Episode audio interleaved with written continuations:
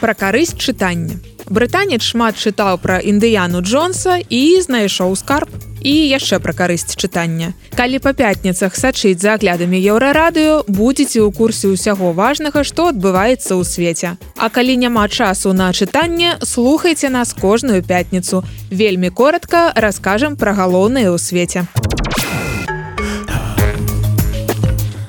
19 дзяцей двое дарослых загінулі яшчэ 17 атрымалі раненні піша BBC гэта не вайна гэта стральба ў амерыканскай школе. Нападніку было 18 гадоў ён купіў стрэльбу і кучу боепрыпасаў неўзабаве пасля дня нараджэння у Тэхасе дазволена купляць зброю з 18 гадоў ужываць алкаголь з 21. Да гэтага інцыдэнту менш за палову тэхасцы улічылі, што законы аб абароце зброі можна зрабіць больш строгімі.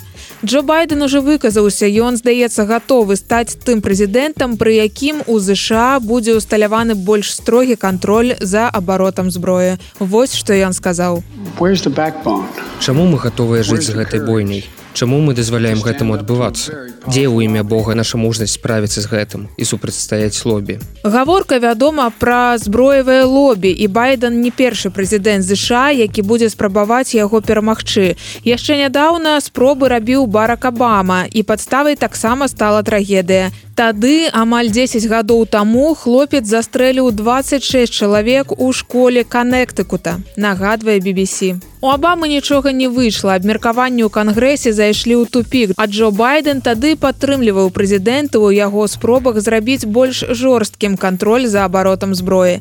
Цяпер ён можа паспрабаваць сам.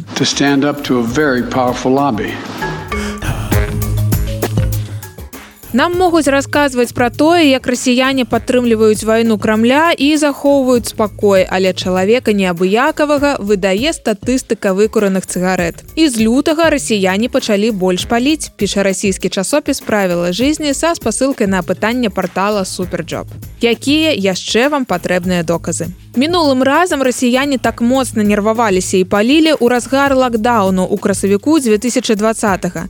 Цяпер ахвотныя кінуць паліць выкурваюць у сярэднім па 12 цыгарэт на дзень. А тыя курцы, якія ведаюць, што не змогуць завязаць у найбліжэйшы час па 15 цыгарэт у суткі. Ёсць падазрэнне, што значная частка гэтых цыгарэт прыпадае на прайм-тайм. Паспрабуйце паглядзець расійскія каналы і не закурыць. Не начинала военные действия. Россия их завершает.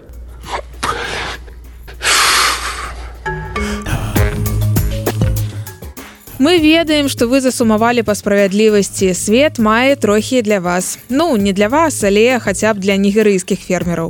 Такім чынам, у багатым на нафту, а ў астатнім вельмі бедным раёне ракі Нігер жылі фермеры побач пампавала нафту датчынная кампанія галандскай шэл. А буйныя разлівы ў падземных трубаправодах знішчалі фермерскія ўгоддзі. Вось што казалі актывісты. У нас ёсць грунтавыя воды, забруджаныя бензолам у 900 разоў вышэй за дапушчальны ўзровень.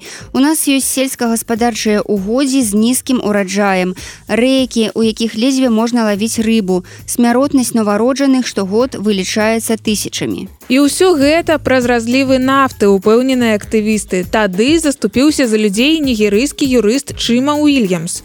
Ён падтрымаў пазоў чатырох фермераў супраць нігерыйскай дашкі шэл. Шэл спачатку адмаўлялася ад адказнасці за разлівы.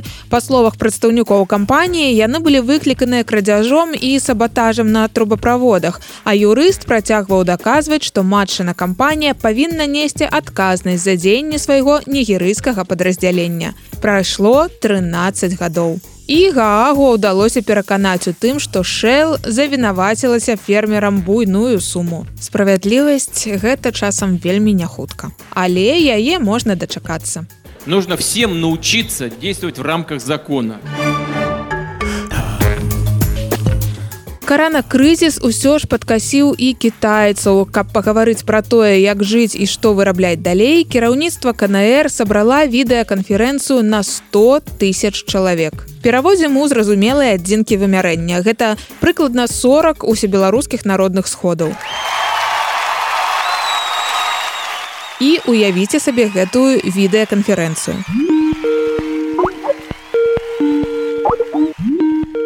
адміністратор хутка дазволіць вам далучыцца да чата. Ну-ну краіне трэба тэрмінова шукаць шляхі выхаду з кавіда крызісу і на відэаканферэнцыю сабралі афіцыйныя асобы з правінцыі гарадоў і паклікалі нават прэм'ера абмяркоўвалі як захаваць працоўныя месцы і знізіць беспрацоўе пераказвае cnn справа ў тым што ў Китаю уводзіліся вельмі жорсткія меры для барацьбы з успышкай кавіду і ў выніку сакавік і красавік гэтага года сталіся для эканомікі больш разбуральнымі чым увесь 2020 калі пандемія толькі пачалася.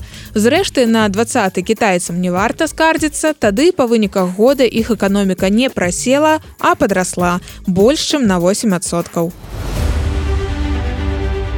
Брытанец Джордж у дзяцінстве вельмі любіў гісторыі пра індыяну Джонса. А калі вырас, знайшоў сотні старажытных манет. Гэта можа быць адным з найбуйнейшых скарбаў, якія калі-небудзь знаходзілі ў Великабрытаніі, расказвае BBC. Я знайшоў дзве рымскія брошкі, а потым срэбны дынары Юлія Цезара, датаваны 46-47 годам да нашай эры.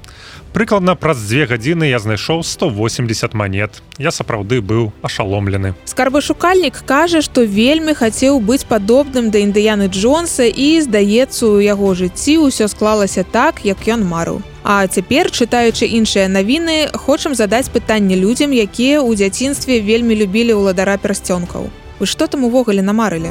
Мы сбились. Едва ли этот путь предполагал Гэндальф. Не все идет, как он предполагал. Каб быць у курсе галоўных міжнародных навінаў, кожную пятніцу, калі вяртаецеся з працы, слухайце падкасты еўрарадыё.